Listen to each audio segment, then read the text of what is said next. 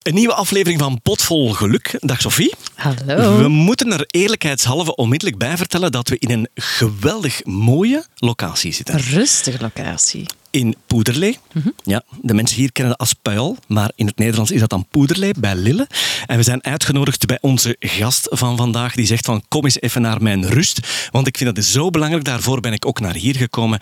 En ik moet toegeven, ja, het is hier heel rustig. Wacht, wacht, wacht tot de buurman begint het gras af te rijden. hout te hakken.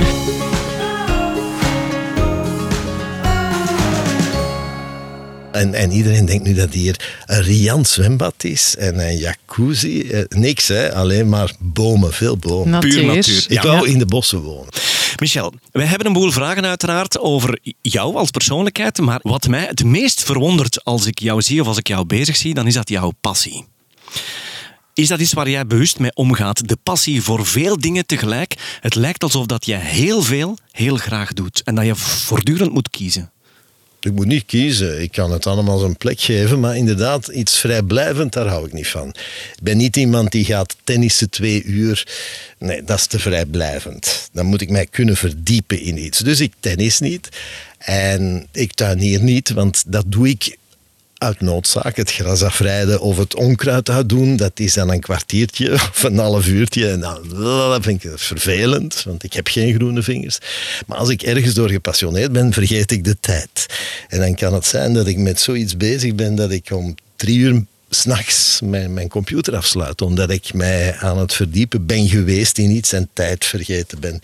En soms komt mijn poes, een van mijn twee poezen, dan wel eens op mijn bureau gesprongen om te zeggen van verwaarloos ons niet. Oké. Ja, dan eh, knuffel ik die poes een tijd en dan doe ik weer verder. Dus ik, ik, ik geef toe aan mijn passies. Ik kan dat ook, omdat ik alleen woon, grotendeels. Ik heb wel een vriendin, maar die woont in Bierbeek, dus de afstand is behoorlijk ver. Als ze er is, ga ik natuurlijk wel tijd vrijmaken. Maar ik zit in feite in mijn kleine kokon. En in die kokon beleef ik inderdaad mijn passies, maar mijn job sluit aan bij al die passies. Dus ik zeg altijd, waar begint mijn, mijn job, waar eindigt mijn passie? Of waar begint mijn passie, waar eindigt mijn job? Dat overlapt elkaar. En dat is natuurlijk een zegen. En wat zijn jouw grote passies dan? Dat zit dus vervat in al die jobs die ik doe. Hè. Op een of andere manier. Radio blijft mijn grootste liefde. Ook al kan ik het zelf in feite niet meer doen. Het is mijn, nou, denk ik, mijn biotoop. Al zou ik zeggen, nu, mocht ik nu mogen kiezen voor dat vak, zou ik het niet meer doen. Omdat ik het veel te veel in een dwangbuis vind. Ik vind het allemaal geformatiseerd. Ik vind mij heel weinig terug in het radiolandschap van... van tegenwoordig. Maar dat is al jaren zo. Ik, ik ben Nu, ook voor een ook- complete vrijheid hè, als radiomaker. En ik denk dat jij die in jouw carrière ook wel hebt mogen beleven. De glorietijden van het radiomaken. Ja, ja, ja, ja. Ik denk dat jij daar Maar in ik de denk dat juiste ik dan periode... toch te laat geboren Ja, ben. toch? Dan had ik niet die frustratie gehad van op een zeker moment dat marketing zich kwam bemoeien met Hmm. radio, waar ik niet zo echt gelukkig mee ben. Pas op, ik kan met die marketingmensen ook wel goed samenwerken en opschieten als ik het zelf niet moet verkopen. Ik ben op radio een marktkramer, zeg ik altijd, die zijn marktwaren moet kunnen verkopen. En als ik niet trots ben op de dingen die ik laat horen of moet verkopen, ik moet dat allemaal niet graag horen. Dat is een verschil. Hè? Maar ik moet het kunnen verkopen op een geloofwaardige manier. Als dat niet lukt, dan stop ik. Dat heb ik dus een paar keer gedaan. En, en ik ben niet gefrustreerd hoor over. Maar ik denk dat ik in feite andere dingen had kunnen doen voor radio. En, en het probleem is, ik ben geen popmuziekliefhebber. En tegenwoordig, als je niet van Prince, Bowie, eh, zeg maar wat U2, Coldplay en al, wat ik absoluut allemaal niet graag hoor. Als je daar niet van houdt, dan heb je een probleem. Dan kan je nergens bij geen enkele radio terecht. Of het nu Radio 2 is, of, of, of M&M, of Q-Music, of zelfs Joe, waarvoor ik werk. Op een of andere manier komen al die platen de hele tijd voorbij. Het is alleen nog popmuziek. Ik heb er ooit een boek over geschreven. Er was een tijd dat je tevergeefs zocht naar popmuziek op radio. En nu moet je tevergeefs zoeken naar een zender waar geen popmuziek te horen is. Ik heb op, op Clara onlangs een van mijn absolute haatplaten gehoord. Dat ik denk, wat doet dit hier op Clara? Lust for Life en Iggy Pop. Ik vind afschuwelijk kabaal. Eh, primitief, gewoon. Maar ja, ik hou absoluut niet van rockmuziek. Dus ik denk, dat mag bij Clara, dat is een aardverschuiving. Waarom moet dat? Alles moet rock en roll zijn. Niks moet rock en roll zijn. In mijn leven is er niks rock en roll. Mijn leven is een driekwartsmaat, walstempo. Dat is de Dat is manier. mooi. Maar dat is al jaar en dag. Ik hou van het walstempo. Nu, in ieder geval, op het gebied van radio heb jij echt wel een voortrekkersrol gespeeld, denk ik, in die tijdspanne. Klopt het dat jij echt bekender of een, een, een Vlaamse bekendheid bent geworden bij Donna en dat de meeste de periode daarvoor niet zo gekend was? Nee, dat denk ik niet. Nee? Integendeel. Nee, ik heb nee. jou leren kennen bij Jabba Dabba Doo, Dus, Nee, eh, nee, ik- nee, ik- nee, nee. En ik ben het meest trots op de periode ervoor. Donna Ja. was een opdracht van de VRT. Ik Mhm. had niet te kiezen, want ik was liever bij Radio 2 gebleven. En ik heb dan ook de boot gemist van de overgangsfase van Radio 2. Want toen ik naar Donna terug naar Radio 2 ging, was dat niet meer de Radio 2 die ik kende, omdat er een periode tussen lag. Maar dus mijn echte lievelingsperiode op radio was van 83 tot 92 bij BST2 Omroep Brabant, waar ik een vier of vijf programma's per week had. En waar ik in de zomer elk programma mocht vervangen. Dat was dus een enorme leerschool. Dat was ook heel gevarieerd. Radio 2 was ook helemaal niet de Radio 2 van nu. Helemaal geen popmuziek, dus ik kon mij daar helemaal in vinden. En ik mocht ook echt al mijn programma's zelf samenstellen. En daar zat veel volksmuziek in, waar ik enorm van hou. Chanson, wereldmuziek, maar ook jazz, klassiek, eh, filmmuziek uiteraard. En, en popmuziek bleef op een veilige afstand. En, en het was echt een zandbak. En ik verving wel eens bijvoorbeeld Guy de Pre. Ik was ook een van de vaste stemmen van Funky Town. Ik heb niet zoveel met funky of disco-muziek. Ehm, ik maak het nog wel nu voor Joe bijvoorbeeld, voor Alexandra Potvin achter de schermen. Maar dat was een enorme leerschool, want je leert heel veel op gebied van timings en zo. Dus ik, ik, ik, ik zag het als een enorme leerschool, met daarnaast heel veel programma's, ook met, met gasten, met, met interviews. En dat is voor mij mijn lievelingsperiode, samen met de periode die ik in Nederland heb mogen meemaken op radio. Ik heb vijf jaar bij de NCRV-programma's gedaan. Dat zijn mijn twee Ja. ja, absolute koestertijden. En Donna vond ik heel interessant op gebied van samenwerken, maar dan moest ik mezelf een beetje eh, ten dienste stellen van het project. En dat, dat, was, een af en, ja, was af en toe een gevecht. Want wij zijn podcastmakers die eigenlijk op zoek gaan naar geluk. Wat is geluk? Onze praatgasten proberen wij daar te over te interviewen. En mijn eerste vraag is dan eigenlijk: oké, ik hoor jou. Ik kan me voorstellen wat voor een periode dat het voor jou was. Dat je echt je passie kon beleven in die periode. Maar dan word je dus genoodzaakt om in een meer commerciëlere functie of een, een commerciëler kader te gaan ja, werken. ja, Radio 2. nee, want dat is ook zo'n misvatting. Hè. Donna, de hitzender, dat was helemaal niet waar. Ik was de linkerhand van de grote baas van toen, Erik Strieleman, die Mhm. later ook naar TV1 is gegaan. En ik stond in voor alle presentatoren en alle programma's. Dat, dat vond ik uitermate boeiend. Ik mocht echt allerlei programma's uitdokteren eh, voor anderen. En dat was een heel creatieve periode. Mhm. Je wist wel dat het wat afgeronder was muzikaal, maar het was niet alleen popmuziek. Wat onze taak was toen met Donna in de beginfase, Mhm. was het jonge segment van Radio 2 aanspreken. En nu zijn alle alle zenders zijn zo'n beetje gedonatiseerd, zeg Ja, ja, ik altijd. En Maar daar- persoonlijk ben ik daar niet zo blij mee. Ah, wel, maar dat was eigenlijk mijn vraag. Van het moment dat dat landschap eigenlijk begint te draaien of zich te transformeren, hoe vond jij dan jouw geluk nog? Of hoe kon jij jouw Oh, passie nog, nog vormgeven of jouw creativiteit? Radio is, is, is zoveel facetten. Mhm. Dat is niet alleen presenteren, anders. Ik weet nog dat heel veel mensen dachten dat ik in 2016, toen, toen bij, bij, bij Joe, tot dan heb ik gepresenteerd en mocht ik zelf muziek kiezen. Maar dan kon het niet meer, ik moest meer in het gareel lopen en heb ik gezegd, ik ga achter de schermen werken. Maar ik wist ook wel van, ik ik beschadig mijn gehoor, dus het hoeft allemaal niet meer zo nodig. En ik heb het allemaal al wel honderd keren gepresenteerd, al die plaatjes. Dus Wat is radio dan wel voor jou? Er komt heel veel voorbereiding bij kijken. Volgens mij een echt goed programma dat lang stand houdt, begint bij een goede voorbereiding, bij iemand die ook eh, met taal bezig is, die ehm, goede ideeën heeft.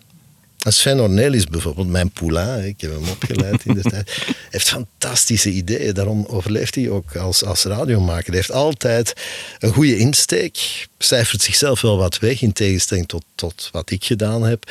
Zal bijvoorbeeld zich helemaal niet om de muziek bekommeren. Dus die zegt gewoon, ik ben presentator, eh, mee redacteur. Terwijl ik wil gewoon controle hebben over alles. En dat gaat van titel tot tunes, tot dat, ik kies mijn tunes. Er gaat niemand zeggen dat moet het dit en je moet die gaan interviewen. Nee, als ik die man niet wil of vrouw, geen interesse, dat voel je. Ik doe het niet. En ja, dus ik ben een. Ik heb zo een beetje op mijn voorhoofd. Moeilijk, moeilijk sujet. Ja, moeilijk ja, sujet. Ja, ja, ja. Maar, maar ja, dat is dan maar zo. Ik ben geen kwaaie, maar ik, ik weet heel goed wat ik wil. En altijd wou. En Maar het heeft jou in jouw carrière toch niet echt windeieren gelegd? ik denk me. juist door die nogal eh, radicale houding dat ik nog, nog overleef. Ja, ik denk het ook. Dat ik me niet altijd in bochten heb gevrongen, maar dat neemt niet weg dat ik af en toe mezelf vrijwillig in, de, in, in quarantaine heb gezet. Mhm. Dat ik zei van nu, nu stop het even. Ik zeg het, ik heb in Nederland bij de NCRV van 2001 denk ik tot 2006 een programma niet in primetime gehad van drie uur, waar ik een voor overwegend bekende Nederlander mocht interviewen. Dat ging heel diep. Dat was drie uur, dus twee, uur- twee uur ervan was ik in gesprek met die man. Dat mocht, of vrouw, zeven à acht minuten duren, maar dat ging heel breed van... Ik weet nog dat ik T. Lau in het programma had van, van de scene. En die zei, nou, ik denk niet dat je veel voeling hebt met mijn muziek. Ik zeg, dat geef ik grif toe. Ik voel er niks bij. Ik zeg, maar ik vind jou wel een boeiende man Ja, ja. dat staat los van elkaar. Ja. Maar je mag dat ook eerlijk toegeven daar. En ik heb daar ook het lotje van de loterij getrokken. Want hoe ben ik in Nederland gesukkeld anders? Omdat ik, naar het schijnt, een soort verwondering had. En, en, ja, ja. en dat was voor mij heerlijk om, om iets anders te doen. Een beetje à la Touché van Friede Lesage. Stop dat programma na bijna vijf jaar. Kom je terug en wat krijg je? Ah, wil je bij ons de ochtend doen en vrolijke ochtendshows. En je bent... Ik zeg, nee, ik wil iets anders doen. Verdorie. En dat lukt niet. Ook bij Joe heb ik uiteindelijk... Ja, ik heb, ik heb dan toch weer drie jaar stilte ingelast. Tot ik in 2009 eerst achter de schermen bij Joe, zoals ik nu bezig ben, ben begonnen. En dan na een beetje toegeven heb gezegd, oké, we gaan er weer voor. Maar het zal een gevecht worden. Af en toe zal ik niet in vrede leven met mijn job. Maar dat is omdat ik juist zo gepassioneerd ben door Ja, en je alles. krijgt toch wel altijd die kansen. Ja, dat is natuurlijk een, een kleine wereld ook. Hè. Ik, heb, ik heb nu zoiets, ik doe geen compromissen meer. Wat zalig is, hè? Wat een vrijheid toch? Ja, ja, ja, je moet dat natuurlijk altijd goed wikken en wegen. Toen ik afscheid genomen heb van de VRT, ik had geen vrouw en kinderen. Ik wist dat ik niemand in, in mijn ongeluk sleurde. Het zou heel anders geweest zijn mocht ik vader van, van vier kinderen zijn en mondjes te voeden hebben. Of, of toch voor een inkomen moeten zorgen. Nu kon ik zeggen, ja, als het fout gaat, ga ik alleen op de blaren zitten. En ja, ik heb, ik heb nooit gebrek aan werk gehad. Ondanks een, een, ja, moeilijke reputatie. En dat, daar schaam ik mij ook niet over. Ik ben wel blij dat we over die passie meteen begonnen zijn, want dat drijft hier al 20 minuten boven. En dat vind ik net zo mooi in alles wat je gedaan hebt. Want voor mij ben jij degene die toen met die nieuwe vormgeving van Donna iets vernieuwend bracht. Maar ik merk nu een beetje dat jij daar niet 100% achter stond. Nee, nee, jawel, jawel, jawel. Die ochtendshows en al die dingen, daar heb ik echt over nagedacht. Hoe pakken we dat aan? Ik had dat al wel bij BRT2 gedaan. Want het was hè. heel vernieuwend wat jij maakte. Ja, hè? maar ik had dat ook al. Ik had een ochtendshow bij Radio 2 op Mhm. vrijdag. En die heeft de prijs van de, de radiokritiek ooit gekregen. De Radio Oscar in 89 of zo. Mhm. En dan was er het idee, we gaan hem elke morgen bij Radio 2 zetten. Ik zeg, daar ga je een aantal collega's niet blij mee maken, want iedereen haasde op die ochtend. En dat werd verdeeld onder de verschillende omroepen. De primetime bij radio, hè? Ja, van half zes begon dat tot, tot acht. Het was niet zo lang. Maar het waren natuurlijk gouden uren. En ik deed inderdaad andere dingen zonder dat ik het zelf wist. Want ik vind mijzelf helemaal geen vernieuwer. Maar, en dat is maar goed ook. Want als je denkt dat je vernieuwende dingen doet, dan denk ik dat je het eigenlijk niet doet. Dus ik wist het gewoon niet. Ik vraag mij ook nog altijd af wat mensen gehoord of gezien hebben in mij toen ze mij in, in september 81 op tv hebben gezet. Want ik, ik zou nu geen schijn van kans meer maken. Tijden veranderen. Klopt, ik heb niet ja. meer de looks en niet de instelling. Ik ben ve- veel te weinig soepel om. Ik weiger ook heel... Als ze bellen voor een tv-programma, ik zeg altijd nee, want het gebeurt nu bijna niet meer. Mhm. Omdat ze al wel weten, hij zegt toch nee, maar ik vind mij toch niet meer in, in al die dingen. Het klinkt een beetje verbitterd, maar dat is het niet. Ja, al- als ik die ochtendshow bij Radio 2 vijf keer had gedaan, was het kot te klein geweest. En dan heeft de directie gezegd, maar we zijn bezig met een concept uit te werken waar het wel kan. En daarom moest ik naar Donna. Ja, Want- en die verf heeft toch een aantal jaren gepakt, hè? ja, en Sven bijvoorbeeld, die zegt, ja, jij bent de uitvinder van de echte ochtendshows in Vlaanderen. Ik zeg, ja, ik weet niet of ik daar trots op De moet zijn. vormgever misschien? nee, want ik hou niet van vorm. Ik hou van inhoud. Maar het was toch heel spontaan? Het was, Ja, het ja was, maar dat, is, dat, is iets, an- dat is Ja, iets anders. En ik weet dat zelfs niet of dat, dat zo bruisend was. En zo. Ik denk dat dat even bruisend was bij, bij Radio 2 Omroep Brabant. Ja. Maar, eh, pff, je moet het ook aan. Het is maar radio. Hè. Ik, ik heb heel mijn leven lucht verkocht. Ja. Ik heb daar geld mee verdiend. Vermoedelijk steek jij die passie ook in al de rest wat dat jij doet. Ik heb op jouw website gevonden dat jij ook jezelf gestort hebt op de 60-plussers, dat je daar ook een lans voor breekt. Daar steek je toch ook al die passie in, in alles wat je daar doet.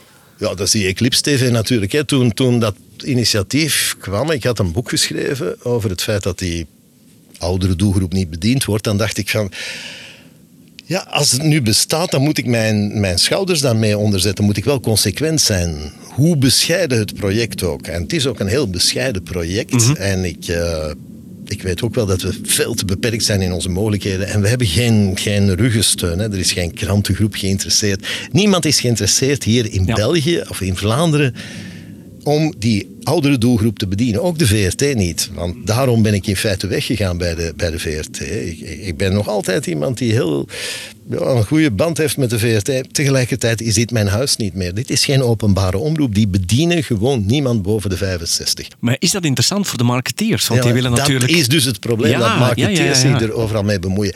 Daarom dat ik al jaren heel gelukkig ben bij VTM. Dat is een onverbloemde commerciële omroep. Die zijn tenminste eerlijk en transparant. Mhm. Maar dat is, sorry, VRT is geen commerciële omroep, is een openbare omroep. Mhm. En toch richten ze zich ook door ja, sluikse reclame in radio- en tv-programma's naar een jongere markt. En gaan ze toch altijd proberen die jongeren te bedienen. Ja. Wat zouden de 60-plussers nog meer nodig hebben dan? Behalve de VRT? rustige eh, radio, zonder al te veel gekwetten. Enfin, ik vind bijvoorbeeld Radio 2 inhoudelijk echt wel oké. Ik, ik ga nu niet de rekening van Radio 2 maken, maar muzikaal vind ik dat, dat ze veel te jong gaan. Dat ze gewoon ja, heel veel mensen ook in de steek laten. Doe eens een tevredenheidsonderzoek. Durf daar ook naar te luisteren. En dat deed ik wel. Ik, ik, ik hoorde naar wat de mensen graag hoorden. En er waren mensen die wilden Tiroler muziek horen. Laat dat horen, verdomme. Toen je bij de VRT weggegaan bent, kon je daarna ook nog je geluk vinden in de andere jobs? Ja, maar ja, ik werkte voor ATV, ik deed een filmprogramma, ik schreef voor bladen, dat heb ik altijd gedaan, doe ik nog altijd. Het is die combinatie, die, die veelzijdigheid die ik zo prettig vind. Ik zeg, het presenteren vind ik op zich alleen saai. Ik zou niet kunnen, zeg maar, zoals veel, denk ik, tv-presentatoren, nu geef mijn teksten en ik doe er wel iets mee. Nee, die tekst moet van mij zijn of hetgeen wat in mijn hoofd zit, dat creëer ik zelf. Als ik elke dag een programma maak voor Eclipse TV, daar in mijn schommelstoel met mijn lampjes achter mij, is dat 100% van begin tot einde mijn programma. Ik doe camera, geluid, montage, vormgeving. En, want vormgeving is ook een van mijn grote passies, layouten. Ik ben daar ook een absolute freak in van lettertypes en zo. Ik hou ook van heel mooie, sobere vormgeving. Ik vind ook als iets heel lelijk is, zeg ik, hou wel van klasse. Ik, ik heb ook iets, dat is het, het gekke van de zaak. Ik heb iets heel elitairs en iets heel volks. En die twee, ja, die, ik, hou dus van kermis, wat heel volks is, maar ik wil kermis ook naar een hoger niveau tillen. Maar ik ben wel een klassieke muziekliefhebber. Ik luister, als ik al luister, is naar Clara. En ik hou echt van mooie dingen. Ik hou niet van kitsch, maar ik zoek mijn kitsch in de kermis. Maar ik ga geen kitsch in mijn huis eh, toelaten. Het is een, dat laat ik op veilige afstand op de kermis. Ik ben een beetje geïnteresseerd in, die, in die, dat volksstukje dat in jou zit. Want wij, wij maken een podcast over geluk. Uiteraard heeft dat een aantal gebieden. En een van die gebieden is het gezin. En jij leeft alleen, wat raar is voor zo'n gepassioneerde man. Ben jij soms eenzaam? Ja, ik ben in feite ook een kluizenaar. Ehm, ik denk niet dat ik een goede family man zou zijn. Ik heb wel twee petekinderen. Maar die zouden, denk ik, dat niet mijn geluk belemmeren. Integendeel, dat zou een verrijking geweest zijn. Het is alleen niet ja, op mijn pad eh, gekomen. En ja, ik, ik weet niet of ik een goede vader zou zijn. Dus ik, ik, het zijn vragen waar ik geen antwoord op kan geven. Maar ja, ik heb even die wens gekoesterd en die heb ik losgelaten. Wat gebeurt in mijn leven, dat gebeurt. Punt. Ik, Misschien moeten we de vraag anders stellen. In welke mate bevalt het alleen zijn jou? Oh, het is geen kwestie van bevallen. Het is gewoon een, een modus vivendi, zeg ik altijd. Ik leef met mijzelf. Ik leef af en toe in gevecht met mijzelf. Maar ik, ja, ik, ik, moet aan niemand verantwoording afleggen. En dat, dat is denk ik het, hetgeen waarom ik mezelf dan weer graag zie. Omdat ik eh, in overleg met mezelf meestal tot een consensus kom. Want je zei net, en dat vond ik heel boeiend, dat je een vriendin hebt. Maar je, je zei onlangs in een interview, ik wil mijn vriendin niet verplichten om in een huis te wonen waar stilte regeert. Dus er zijn toch wel een aantal dingen belangrijk voor jou? Maar, maar ja, dat heeft ook te maken met mijn gehoorprobleem natuurlijk. Hè. Ik leef compleet in stilte. Je staat nooit radio op. Ik heb geen tv ik heb wel een tv met een dvd-speler, maar dan voor gehoorgestoorden. Dus ik, ik, ik kan toch niet iemand verplichten om al die dingen te laten. Bovendien is dit mijn huis met mijn kleine kamertjes. En, en Hilde heeft haar huis in Bierbeek, waar zij heel gelukkig is en haar kamertjes, haar archieven heeft. Mhm. En wij zien elkaar geregeld en die momenten koesteren we samen. Ja. En ik heb ook geen enkele behoefte om elke avond mijn dag te vertellen tegen iemand. Maar dat is wel een leven, denk ik, dat ook uitnodigt tot creativiteit. Als je rust en ja, een soort van solitairder bestaan hebt, ja, is er ook zoveel ruimte tot passie en, ja, en creativiteit. Nou, er zijn mensen die dat ook kunnen combineren. Hè. Er zijn uh, heel creatieve zielen die vier, vijf kinderen hebben. Dus ik weet niet of het een het ander in de weg staat. Alleen het is nu eenmaal niet gebeurd en daar heb ik vrede mee. Maar mhm. ik heb met heel veel dingen vrede. Ook het feit dat dat ik al sinds 94 volledig doof ben aan één kant, wat echt ingrijpend was. Maar dan denk ik, ik heb 14, 15 blinde vrienden. Morgenavond ga ik trouwens met een van mijn beste blinde vrienden eten voor zijn verjaardag. Blinde, slechtziende vrienden. En het is dankzij hen, denk ik, dat mijn, mijn hele probleem, want ik noem het geen handicap, relativeer. Ik ben van niemand afhankelijk. Ik ga en sta waar ik wil. Een blinde niet. Die moet echt, als hij ergens wil geraken, toch hulp vragen aan anderen. Ik niet.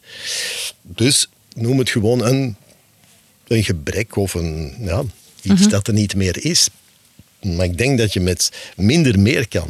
En ik heb ook heel veel dingen opnieuw moeten gaan bekijken zodra dat het gehoorprobleem in mijn leven kwam. En ik heb moeten herbronnen terwijl heel veel mensen op, op die leeftijd, 4, 35, zich beginnen settelen. En, en ik, ik ben alles anders moeten gaan invullen. Heel boeiend hoor. Want plots ben je verplicht om om, om andere dingen, uh, andere muziek, andere hobby's. Uh, of nee, bij mij waren dat geen andere hobby's, dat zou moeilijk zijn, maar die hobby's ik noem het geen hobby's, passies, anders in te vullen. Want heel veel mensen gaan mij dan ter verantwoording roepen. Hè? Je houdt van film, dat is toch lawaai in de bioscoop. Ja, dat gaat moeilijk nog, dat geef ik toe. Dus dat is minder en minder. En kermis, oh, lawaai, lawaai. Ik zeg, ja, maar kermis is een wereld van opbouwen en afbreken. Mobiel vertier, het is veel meer dan... Die kermis moet niet eens open zijn voor mij. Mhm. Dat opbouwen is al boeiend. De hele wereld.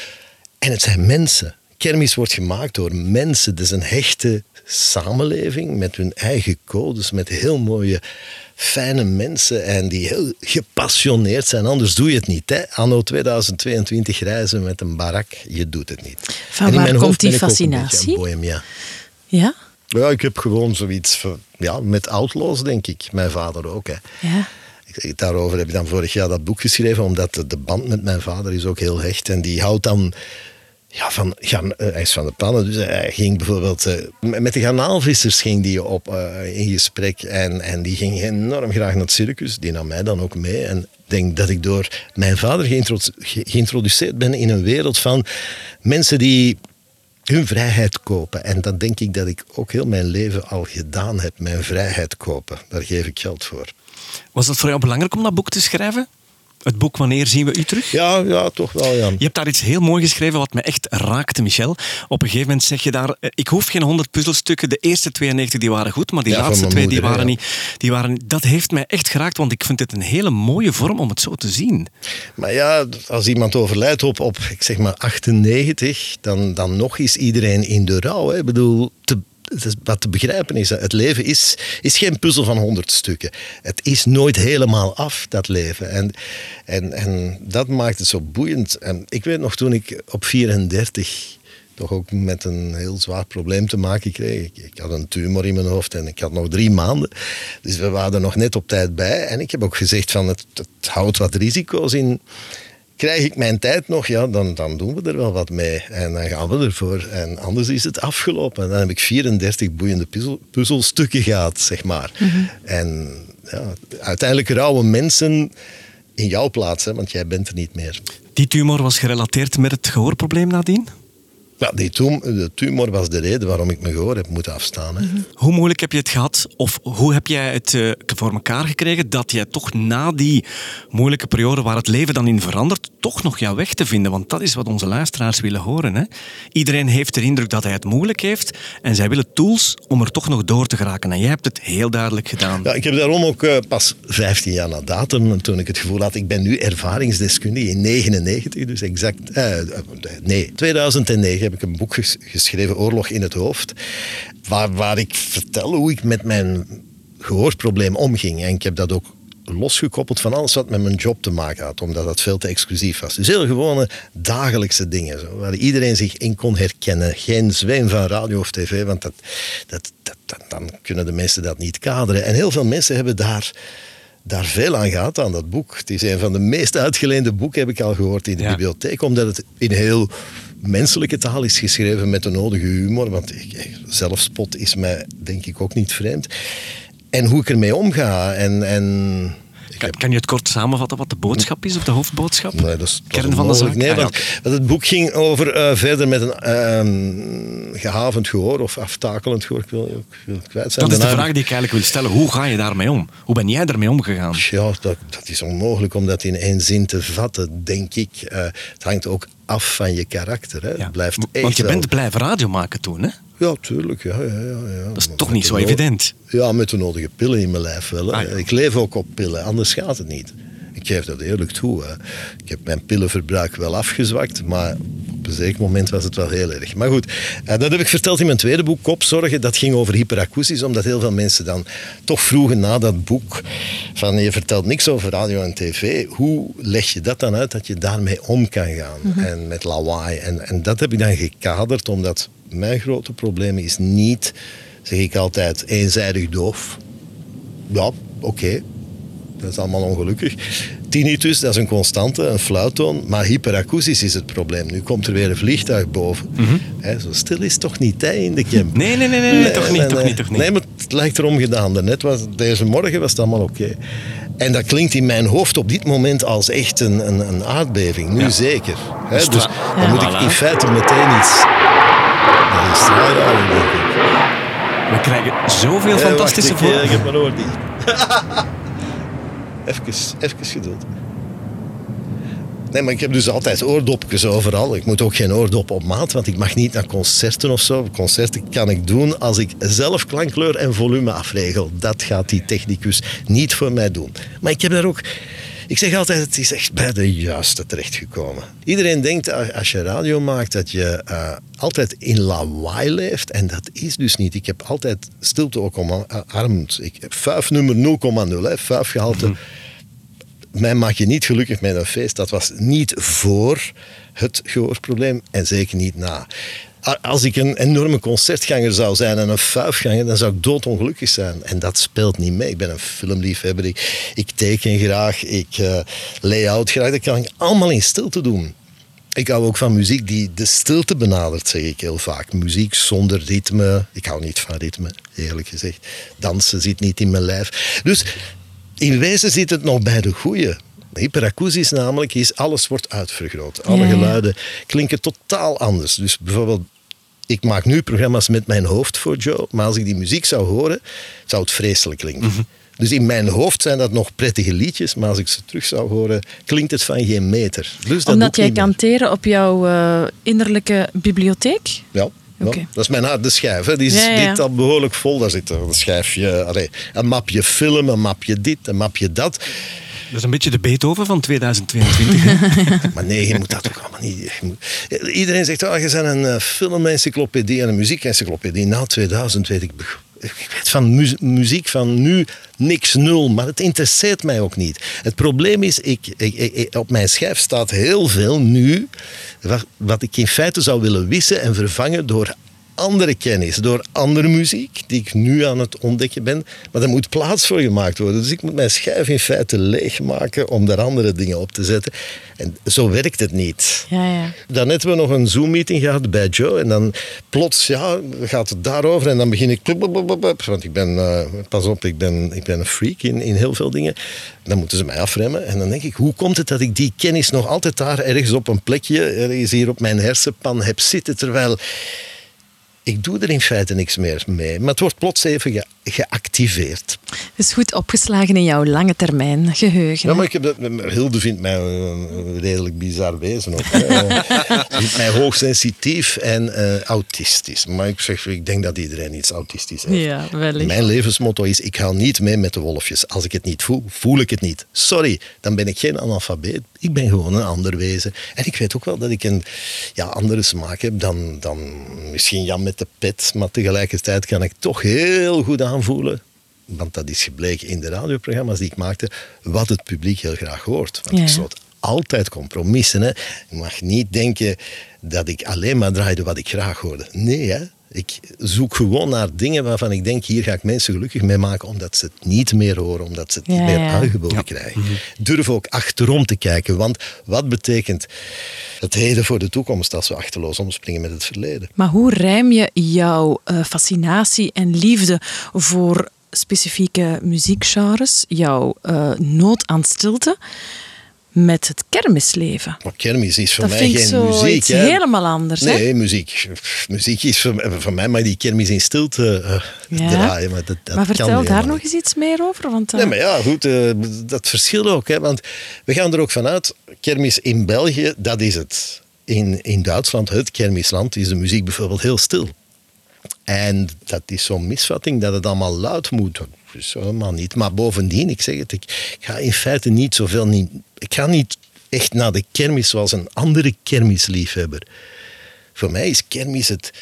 Ik, ik ontmoet die mensen, ik doe daar. Als ik op een kermisterrein ben, dan zit ik te praten met die mensen. Dan ga ik niet happend van de suikerspin naar het smeltenbollenkraam en van de ene draaiattractie in de andere. Nee, dat, dat is het al lang niet meer hè, voor mij. Kermis is echt een, een biotoop, is een, een ja. leefwereld waar ik heel veel mensen ken. En dat maakt het zo boeiend. Daarom pretpark. Je zet mij in een pretpark. Na een, ik zal wel eens rondgaan, maar na een uur ben ik terug bij de uitgang. Want daar zit geen ziel in. Daar, ja. daar zit een CEO achter en jobstudenten die gewoon afsluiten. En de ritjes zijn knoppetje drukken, drie minuten, top, knoppetje terug uit. Wat nee. zoek je dan? Die authenticiteit van het kermisleven, de, dat de zijn mensen... voor mij de, de reizende nomaden. de- maar ik ja. hou ook van markten. Ik hou ook van circus. Ik hou van rondreizend, vers- ja, ik noem het mobiel vertier in feite in een van mijn boeken. En ik vind kermis buitenhuisarchitectuur.